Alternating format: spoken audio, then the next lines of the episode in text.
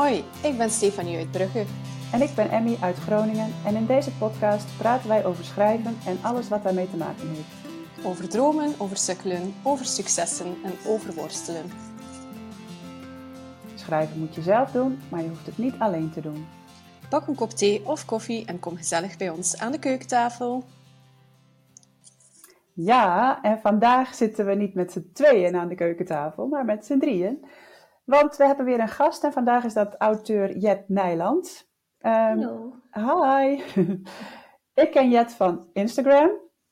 Uh, en uh, ja, Jet is begin dit jaar gedebuteerd met haar roman uh, Zwaluwdans. Ik heb het gelezen, een prachtig eh, historisch liefdesverhaal.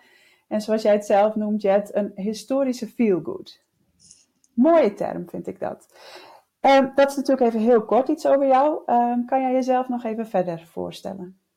Um, nou, hallo allemaal. Allereerst, uh, ja, ik ben een van de fans van deze podcast. Ik vind het echt heel, uh, heel leuk altijd om te luisteren. En ook al uh, ja, heb ik, mag ik mezelf nu auteur noemen, omdat ik een, een boek uitgegeven heb of heb laten uitgeven. Um, vind ik het nog steeds heel erg leuk om contact te hebben met andere schrijvers. En dus ook ja, te luisteren naar uh, ja, jullie verhalen over het schrijven. Um, nou ja, ik ben Jet Nijland. Ja, ben gedebuteerd met Zwaluwdans. En um, ik schrijf al heel lang. En Zwaluwdans heb ik, ben ik meer dan tien jaar mee bezig geweest. En um, ja. um, en ondertussen ben ik ook al bezig met een uh, tweede historische feel good. En uh, die komt volgend jaar april uit uh, bij uitgeverij Loftbooks. Dat is een imprint van Anbo Antos. En um, ja, verder, ik ben vrouw van Jochem en kattenmama van Maus. Um, ik werk ook naast het schrijven bij justitie. dat, ik, ik, weet niet wat ik nog meer vertellen Nou, dat is al hartstikke veel. Dat is al hartstikke veel, heel leuk. Grappig ook dat je... Oh, ja. ik, ik dacht, uh, Jet heeft al superveel uh, antwoorden op vragen die ik nog niet gesteld heb. Want mijn eerste vraag was, uh, ja. ja, melding van Jet, je verdient een prijs voor uh, doorzettingskracht. want inderdaad, ik had gelezen in jouw weetjes dat jij er ja, tien jaar hebt over gedaan om te debuteren met de Zwaluwdans. En dat is dan begin dit jaar gelukt, proficiat. Nu, hoe komt het dat je er tien jaar over gedaan hebt? Want dat weet ik wel niet. Heb jij tien jaar lang geschreven? Of was jij na twee jaar klaar en is de zoektocht naar een uitgever dan begonnen? Kreeg je afwijzingen en uh, heb je zo lang gezocht naar een uitgever? Of wat is precies het verhaal van die tien jaar? Nou, het begon misschien nog wel meer dan tien jaar geleden, zit ik te denken. Want Zwaluwdans is ook al uh, bijna een jaar oud. Um, nou, in ieder geval, meer dan een decennia geleden kwam het verhaalidee. En uh, toen ben ik begonnen met schrijven en dacht ik van, nou leuk, ik heb een verhaalidee en daar maken we gewoon een boek van. Maar zo simpel is het niet. dus uh, nou ja, na een tijdje uh, belandde het verhaal uh, in de kast of ja, ergens op een harde schijf. En heb ik ook wel een paar jaar niet geschreven. En nou, er kwam op een gegeven moment een periode in mijn leven, dat was best een ja, moeilijke periode. Toen kwam ik thuis te zitten en ehm, ik ging op retraite. En uh, nou, een hele klassieke verhaal. En toen vroeg iemand tijdens die retraite: Wat is nou eigenlijk je grootste droom? Wat wil je nou doen? Ik zei: Ja, ja, ik wilde ooit schrijver worden, maar ja, dat zal wel niet lukken. Ik heb het geprobeerd. En die ging een beetje doorvragen. En die zei, joh, maar je hebt gewoon echt een verhaal van A tot Z. En wat weerhoudt je om, om dat op te pakken? En toen kwam ik thuis en uh, toen ben ik weer begonnen. Ik heb wel een, uh, een schrijfmaatje gezocht. Dat is Astrid Habraken. Die heeft ook een boek uitgebracht. En uh, wij zijn op gezette tijden, hebben we met elkaar afgesproken om gewoon of gewoon, om echt te gaan schrijven. En um, ik ben uh, in die periode ook een online schrijfcursus gaan doen. Want ik wist gewoon heel veel niet over het schrijven. Hè? Mijn idee van, goh, je hebt gewoon een leuk idee en dat wordt vanzelf een boek. Ja, dat, dat is niet zo. Er zitten technieken achter. Maar ja, daarvoor raad ik iedereen aan om de andere afleveringen van deze podcast te luisteren, bijvoorbeeld. Of, of boeken over schrijven te lezen. Ehm, maar ja, met die cursus en met het schrijfmaatje, uh, ja, duurde twee jaar. En toen uh, uh, was Zwaluwdans in het eerste concept af. Wauw. Ja, maar, maar dan heb ik nog niet eens al je vragen beantwoord, uh, Stephanie. Nee. Ik, uh, ik heb het toen gestuurd naar, uh, naar meerdere uitgevers. En ik heb ook wel grote uitgevers toen uitgekozen. Ik dacht van, nou ja, hè, wie niet waagt. Um, en ik hoorde helemaal niets. Want zo gaat dat. Mm-hmm. Uitgevers kunnen ervoor kiezen om gewoon jouw manuscript in de prullenbak te gooien en niet te laten weten, eh, niet te zeggen waarom. En uh, nou ja, ik heb toen wel overwogen, ga ik het zelf uitgeven? Um, maar ik heb er uh, voor een tussenstap gekozen. Ik heb een uh, manuscriptbeoordelaar naar mijn verhaal laten kijken. Mm-hmm. En um, gevraagd van, ja, wat klopt er niet aan? En, en heb je nog tips? En wat is wel goed? En uh, nou, daar heb ik onwijs veel aan gehad. En uh, met haar uh, adviezen heb ik mezelf opgesloten in een huisje in het bos. Heb ik het hergeschreven en weer uitgevers benaderd. En toen ehm, was er een uitgever die het wel heel graag wilde uitgeven. Wauw. Oh, heel knap. Ja, dan is dat idee van ik heb een verhaal en daar maak ik een boek van echt, echt niet waar. Dat, dat gaat echt zo ver. Maar wat jij zegt, hè, je hebt een schrijfmaatje gezocht, je hebt jezelf opgezette tijden bijna gedwongen om te gaan schrijven. Gedwongen tussen aanhalingstekens, want ik bedoel, je vindt het leuk, dus. Uh, maar je moet daar wel echt uh, iets voor doen. Je hebt nog iemand ernaar laten kijken, je hebt het meerdere keren opgestuurd, je hebt elke keer ik wou zeggen, afwijzingen moeten verwerken, maar zelfs een afwijzing kwam misschien niet altijd, hè, want dat, dat is ook wat er soms gebeurt. En dan toch doorzetten. Ja, maar dat is helemaal vervelend, want je weet ook dat het best even kan duren voordat een uitgever reageert. Maar als er helemaal niet gereageerd wordt, dan, ja, dan weet je ook niet meer, denk ik, waar, waar je nou op zit te wachten. Of je eigenlijk nog wel ergens op zit te wachten. Of ja, dat weet je dan ook allemaal niet. Maakt dat niet ontzettend onzeker in zo'n fase? Nou ja, ja, en ik denk ook wel dat uh, onzekerheid uh, voor heel veel schrijvers een uh, groot thema is. En ja. nog steeds ben ik onzeker over mijn werk hoor. Dat, dat blijft. Maar ik denk, je, je kan hem ook omdraaien en zeggen van ja, hè, onzeker of ben ik gewoon heel kritisch op mezelf. Want mm -hmm. ja, als je vol lof bent over je eigen werk dan uh, er is vaak ook wel uh, verbetering uh, mogelijk. En het is ook goed om, om te leren in het hele schrijfproces. Want ja, die eerste versie, ja, dat, dat was leuk voor mezelf. Maar ja, dat was geen mooie cover waard. Dus het is wel een reis van leren geweest.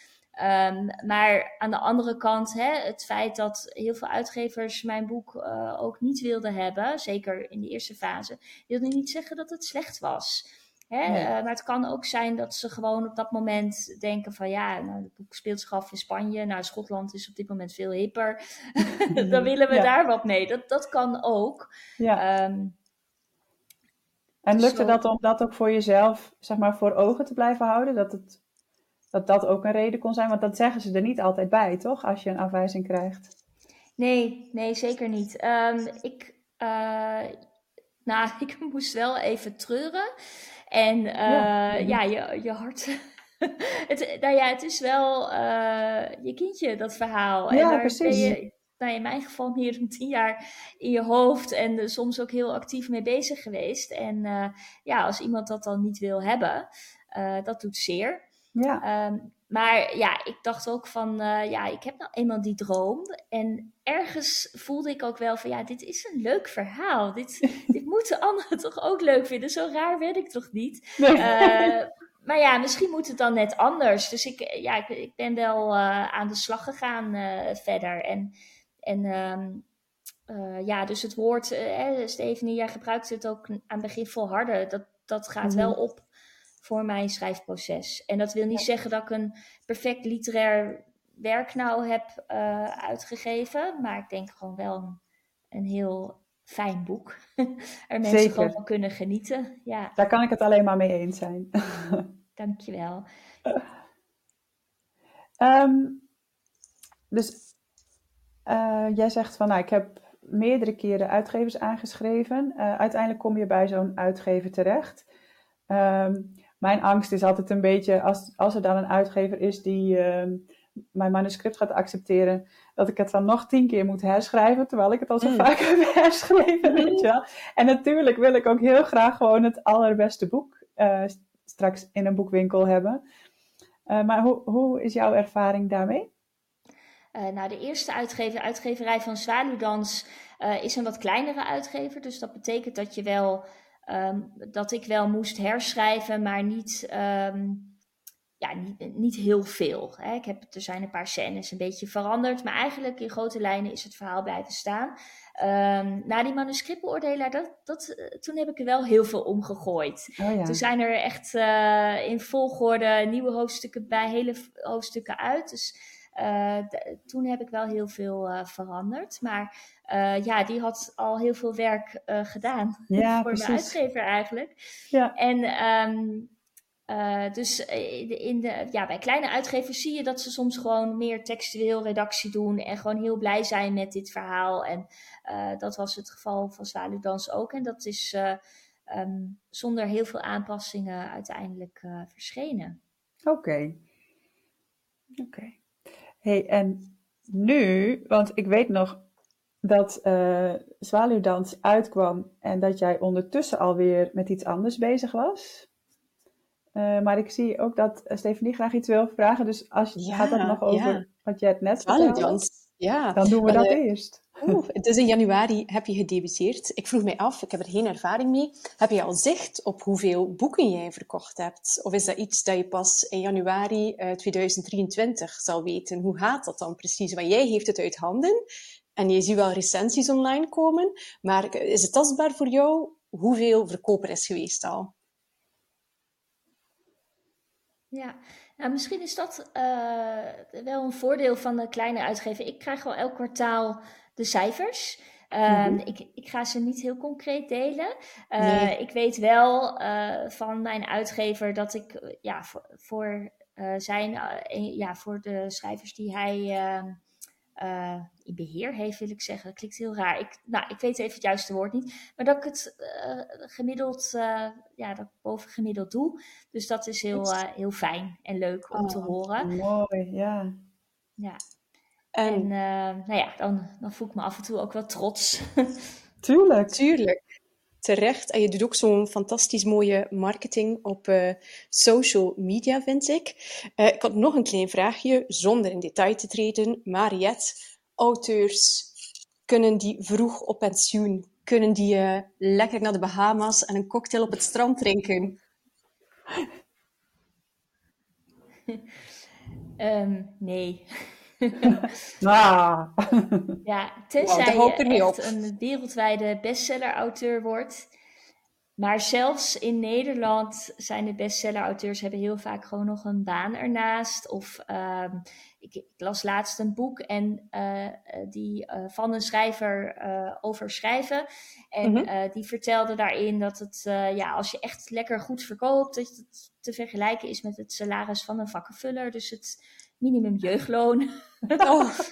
Als je, en, en dan ben je een grote auteur. Dus, uh, oh.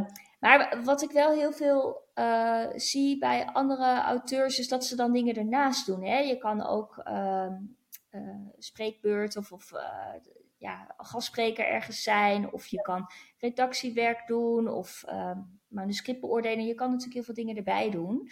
Mm -hmm. die ook onder de noemer van schrijver vallen. En dan kan je wel uh, broodschrijver worden.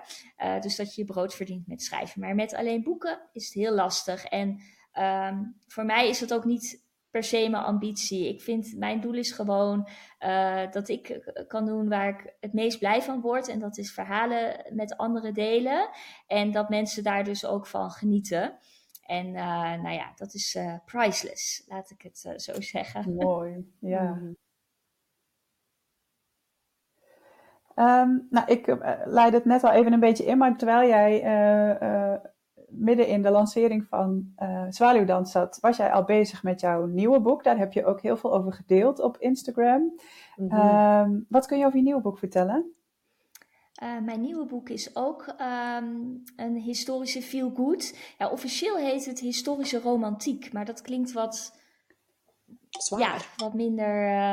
Uh, Fancy. ja, klinkt wat Ja. zwaar. Ja. Uh, dus en feel good, ja, het, het zijn gewoon liefdesverhalen die ik schrijf, maar dan in een Ja. historisch decor. En uh, mijn tweede boek speelt zich af uh, tijdens de Tweede Wereldoorlog vooral en is gebaseerd op mijn eigen familiegeschiedenis. Um, Mm. Nou, het leek me een leuk idee en dat was fantastisch om te doen, maar ook ontzettend moeilijk. Uh, omdat ik uh, natuurlijk de personages uh, kende. Dat waren mijn opa en oma. Um, en uh, nou ja, het, het, komt in april volgend jaar uit. En uh, ja, net als Zwaluwdans bestaat het ook uit twee tijdlijnen. Eentje in het heden. Echt, uh, ja, 2010 geloof ik dat ik een beetje aangehouden heb. En uh, je switcht dan naar het verleden. En uh, nou, net op het moment dat je denkt: Oh, hoe loopt dit af? Dan ga je weer naar het heden. dus zo uh, heb, ik het, heb ik het aangepakt. Ja, en uh, wij, wij kregen een vraag van Paulien.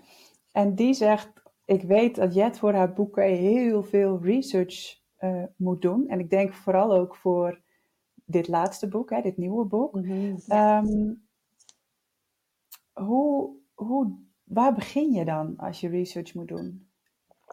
Oh, wat een goede vraag, Pauline. Nou, leuk dat je een vraag hebt gesteld. Weet ook wie het is. Dat is Ja. zo leuk aan Instagram. We hebben elkaar Ja. dan niet ontmoet, maar uh, wel gezichten erbij. Nou, Ja. ik heb hier een geel boekje. Dit is niet het origineel, maar wel het boekje uit de jaren zeventig. Dit uh, lag in de kast bij mijn opa. En daar staan, uh, het, het, gaat over een, een stad in, in het ja, voormalige DDR. En mijn opa had daar dingen bij geschreven. Oh. Uh, en, en dat waren ja, een beetje flarden, maar daaruit konden we wel opmaken. En dat wisten we ook wel, dat hij daar is geweest in de oorlog.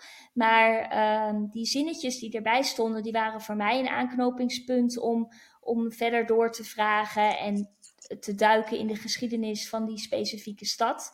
En um, uh, het gaat om Noordhausen. Nou, zegt jullie misschien uh, iets, maar waarschijnlijk niet. Nee, dat, dat vond ik wel weer interessant, want we weten heel veel over uh, Berlijn en uh, nou ja, grote steden in Nederland misschien. Maar dit um, is ook een heel interessante geschiedenis. Dus ik vond het heel leuk om daar in te duiken. En um, uh, ik heb online archieven bezocht, maar ik ben ook naar die plek toegegaan. En nou ja, Mhm. dat wil ik wel iedereen aanraden als je echt research doet.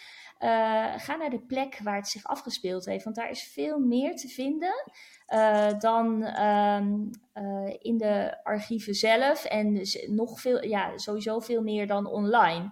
En al is het niet om de informatie, is het al om de beelden, de sfeer. Uh, uh, voor mij uh, ging, ging mijn boek nog veel meer leven toen ik op een heuvel stond. En Ja. iemand, ik, heb, ik heb wel hulp gehad ter plekke, die zei van nou waarschijnlijk is je opa via deze plek zo in het dorpje terechtgekomen. Nou, ik stond daar boven op de heuvel en ik kon helemaal voorstellen hoe de wind door de haren van mijn opa gewaaid moet hebben en wat hij zag liggen, dat kleine witte stipjes in de verte. Dus ja, dat, dat hielp mij ook heel erg om, uh, Ja. om goede scènes te schrijven. Mooi. En is er dan ook nog, want ik weet zelf nog wel, ik heb voor mijn boek ook veel research gedaan, dat ik er soms zo indook dat ik achteraf ook dacht, ja, daar had misschien ook wel iets minder gekund. Want Paulien vraagt als tweede vraag, sorry, ook nog, hoe zorg je dat je niet helemaal overweldigd wordt door alle informatie die je vindt?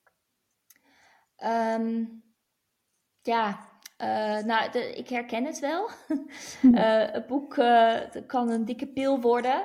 Nou ja, de, toch wel weer tijdens het schrijven. Ja, kijk, je mag alles opschrijven wat je wil. Hè? Je kan uh, alle zijpaden bewandelen.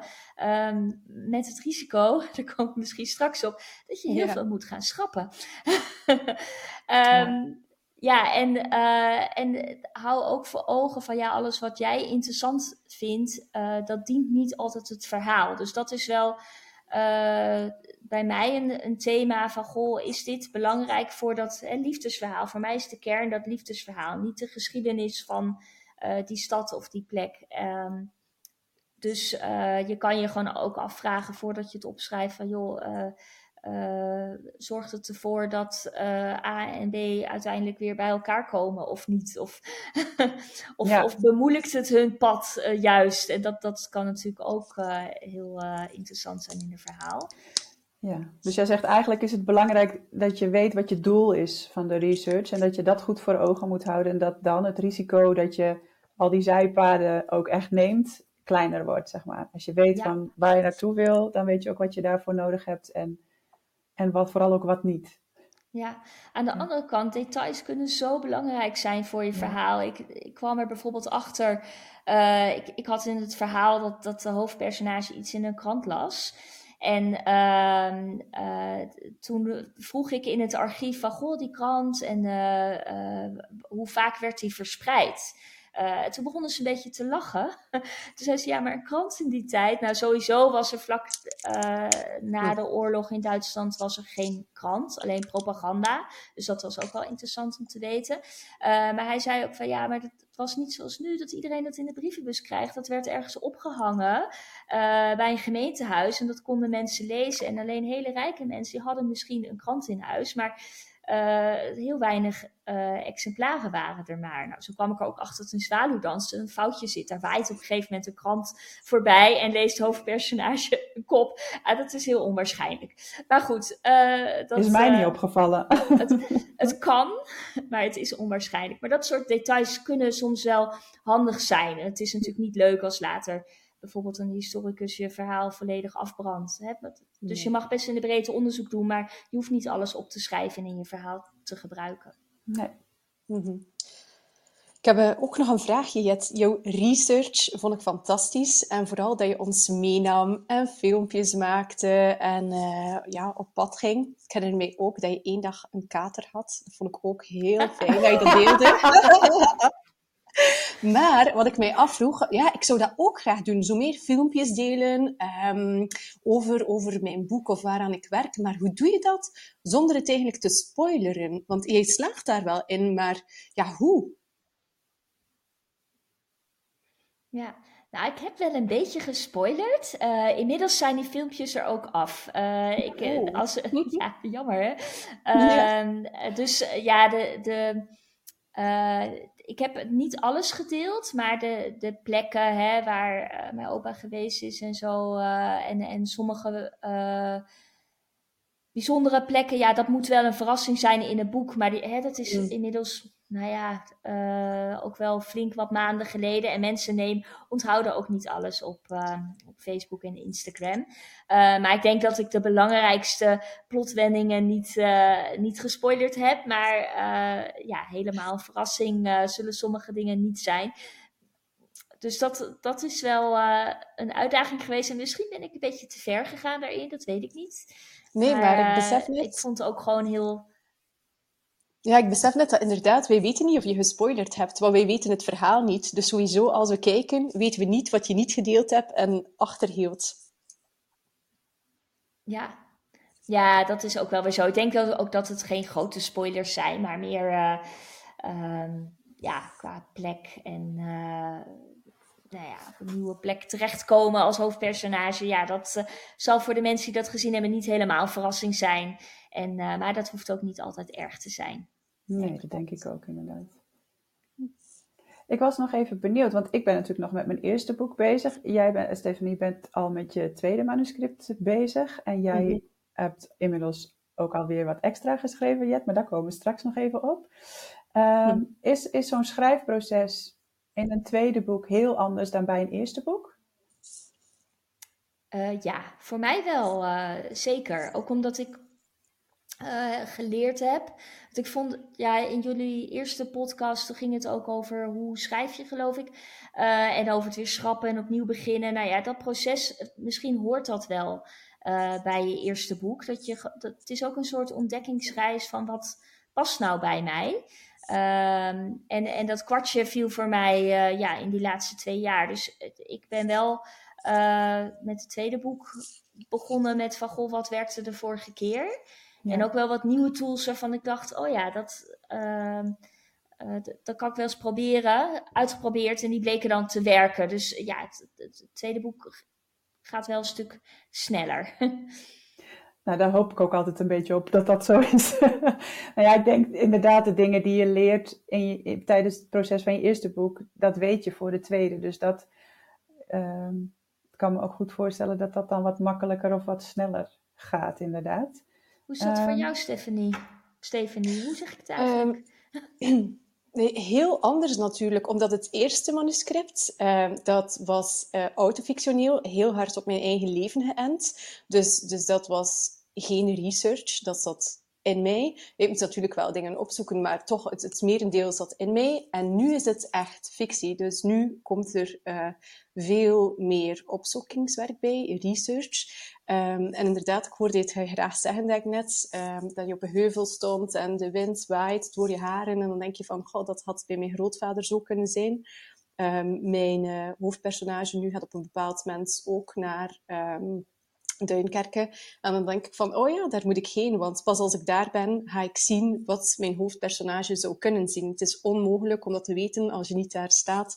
Um, dus uh, het, vraagt uh, een heleboel ja, meer inspanning op dat vlak. Maar uiteraard, um, de structuur en de routine. Ik ben uh, een anderhalf jaar verder ondertussen heb ik al heel wat bijgeleerd. Um, de kinderziekten zijn eruit, of de eerste hindernissen zijn genomen. Um, dus ja, die, die hoef ik niet opnieuw te nemen. Um, maar naar structuur toe ben ik wel benieuwd. Nu, jouw tweede boek komt in april uit, juist? Oké. Okay. Ja, ik zie alles knikken.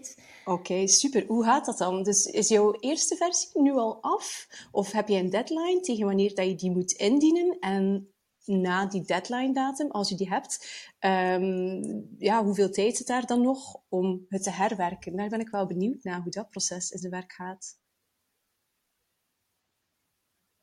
Ja, um, nou, ik ben terwijl Saludan slachten uh, uh, tussen de stapels van de uitgeverslag ben ik wel weer begonnen met, uh, met het nieuwe verhaal.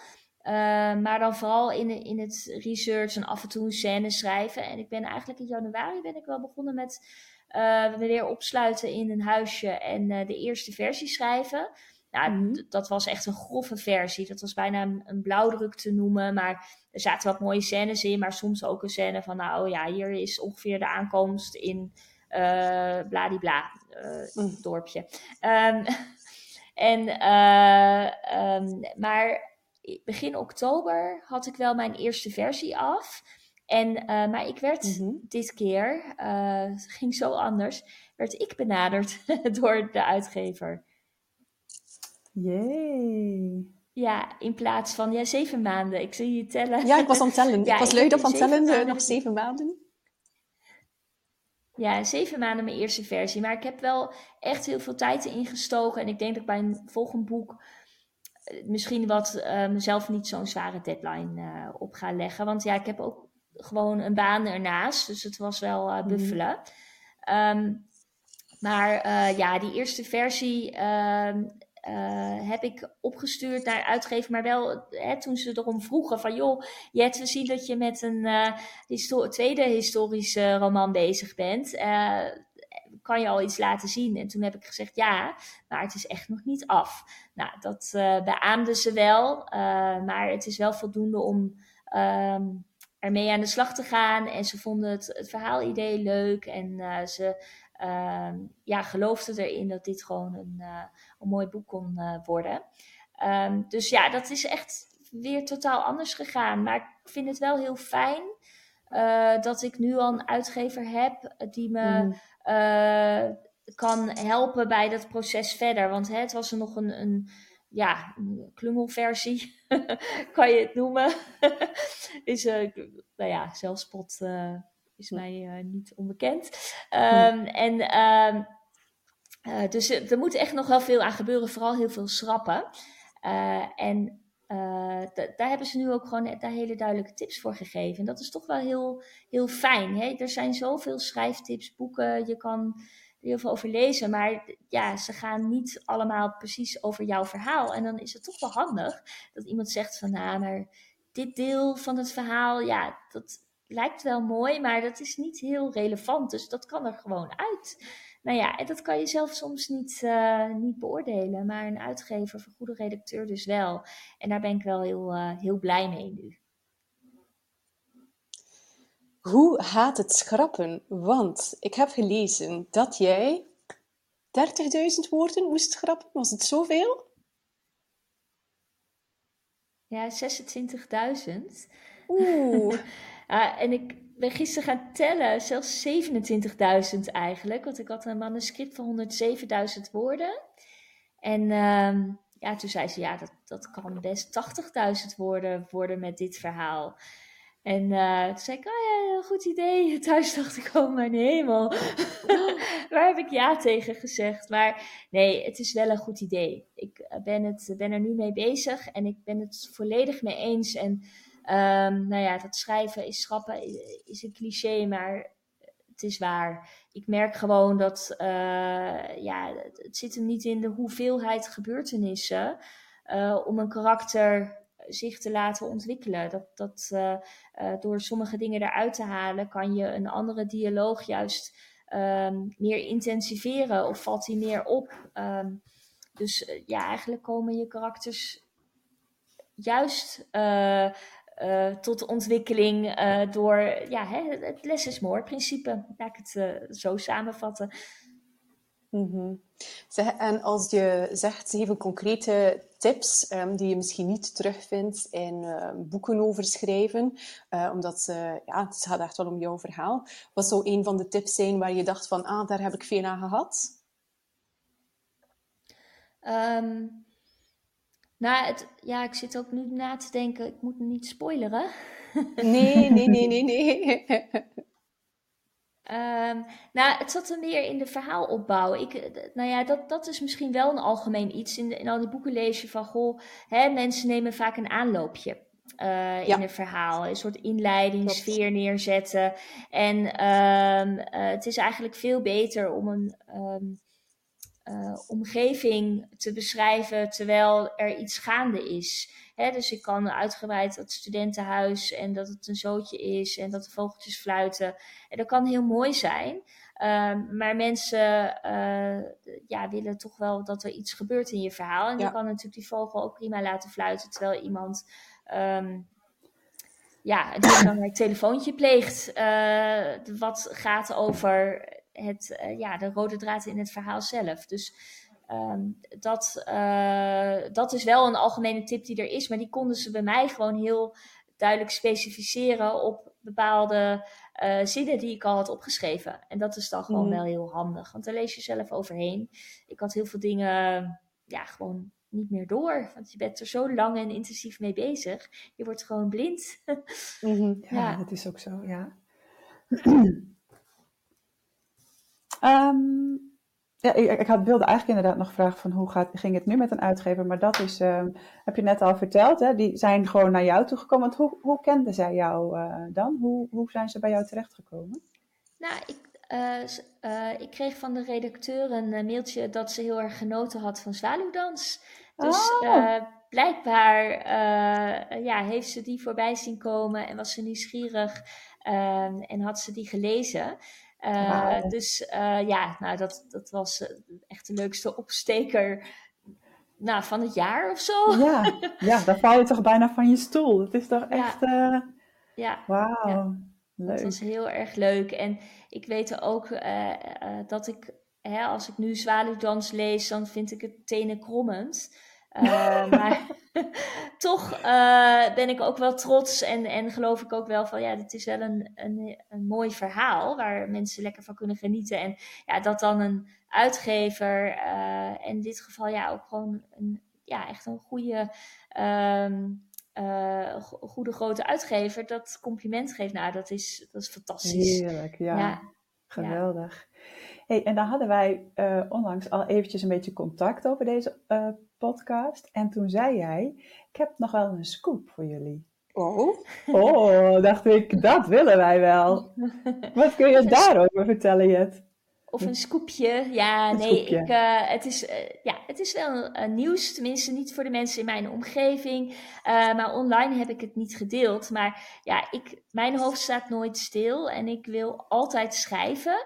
En uh, dus ik ben ondertussen bezig geweest met een secret project.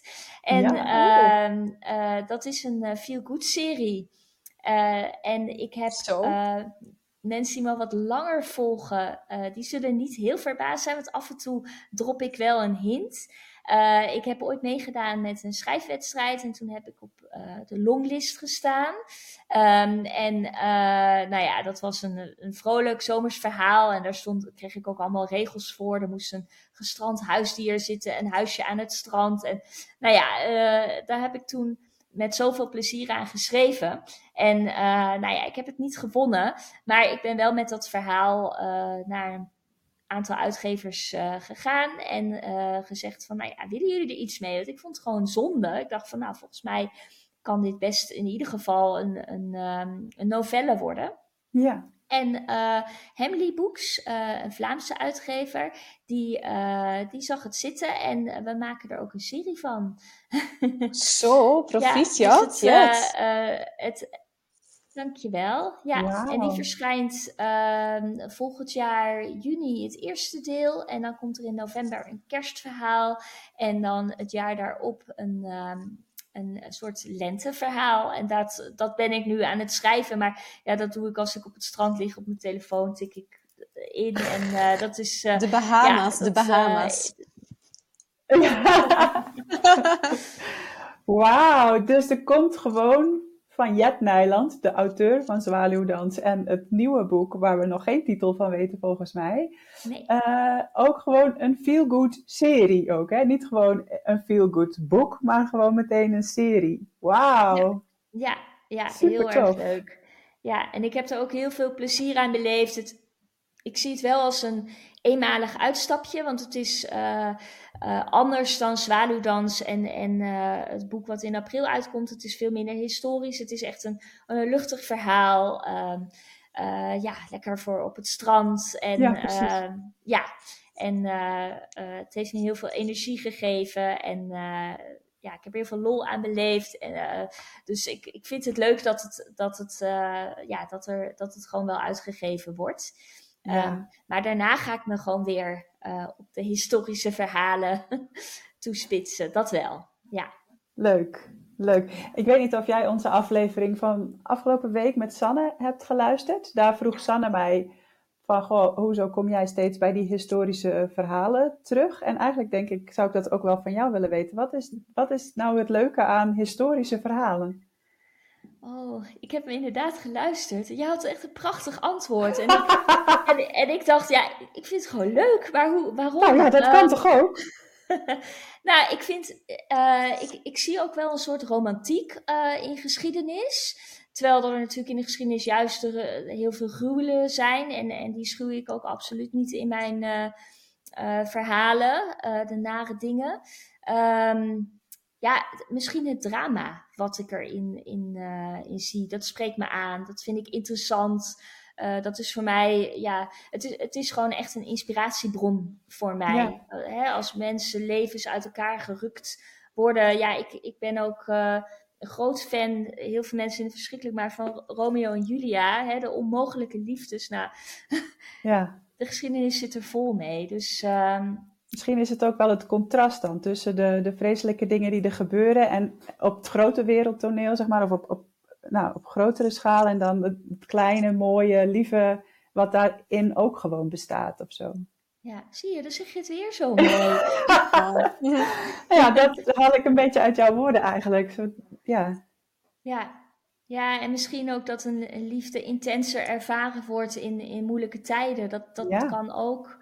Um, ja. ja, en het mysterie, dat is ook wel wat, er, wat me ervan aanspreekt. Maar dat, dat zit hem ook een beetje dat ik die twee tijdlijnen, het ontdekken van wat is er nou precies gebeurd, waarom, ja, nou ja, uh, hoe loopt het af? Dat is natuurlijk met een stukje geschiedenis uh, beter voor mij dan, hè, in een verhaal te beschrijven, dan dat je iets in het heden houdt. Ja, ja snap ik wel.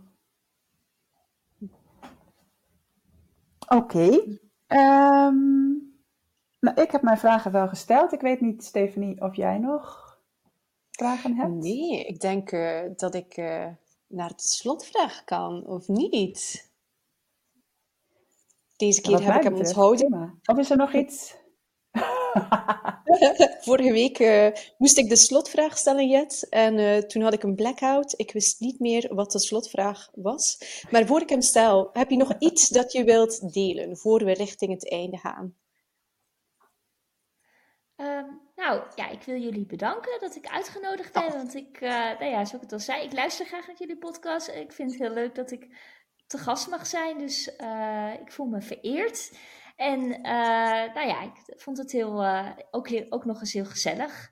Ja, ja, wij ook. Super bedankt om bij ons te zijn. Ik denk dat de eer voor ons net iets groter was. de slotvraag, hier komt die. Wat is het ultieme advies dat jij aan beginnende schrijvers zou geven? Um, hele goede vraag. En ik, eh, als ik eh, mijn hersenen, daar heb ik al even op laten kraken. En eerst dacht ik, nou, een heel uitgebreid advies met volharden, doorzetten. Nou, het is allemaal aan bod gekomen. Maar ik denk eigenlijk dat mijn ultieme tip gewoon is, heb er plezier in. Want schrijven is leuk. En soms bijna magisch als je merkt wat er uh, ineens onverwachts kan gebeuren. Uh, dus heb er vooral ja, heel veel plezier in. Geniet ervan. Ja, die gaat aan. Wauw. Gelukkig nu pas. Die wil ook nog even meepraten. Jullie hebben me wel gehoord, toch? Ja hoor. Ja, zeker wel. Ja, nou, wij willen jou ook enorm bedanken voor uh, uh, je aanwezigheid. Het was echt heel leuk en het is gewoon heel fijn om te horen van jou, ja, wat jij al voor ervaringen hebt met het schrijven, met uitgevers, met nou, al die dingen die je, die je net verteld hebt. Um, ook voor onze luisteraars, denk ik. Um, Stephanie, wat gaan we in de volgende uh, aflevering doen? Mhm. De volgende keer gaan we spreken over hoe structuur aanbrengen um, in jouw schrijfroutine. Spannend, ja. hè? Nou, daar heb ik ook alweer zin in. Maar uh, voordat we daar uh, uh, het over gaan hebben, wil ik je eerst bedanken voor het luisteren. Als je onze podcast leuk vindt, kun je ons helpen door een review te schrijven of een beoordeling te geven. Vijf sterren of zo. Daardoor komen wij hoger in de lijsten en help je nieuwe luisteraars om ons te vinden. Deel de podcast ook gerust in je netwerk of op social media en tag ons dan even, want wij vinden het superleuk om te weten wie je luistert. Heb je vragen of is er een onderwerp waar jij onze mening of ervaringen over wil horen? Of is er iemand die je graag als gast in Schrijfpraat zou horen? Laat het ons dan weten. Dat kan via Instagram, at Stefanie Kroes Insta en at Emmy de Vries. Yes, dat was hem weer. Dankjewel Jet en Stefanie, tot volgende week. Doei!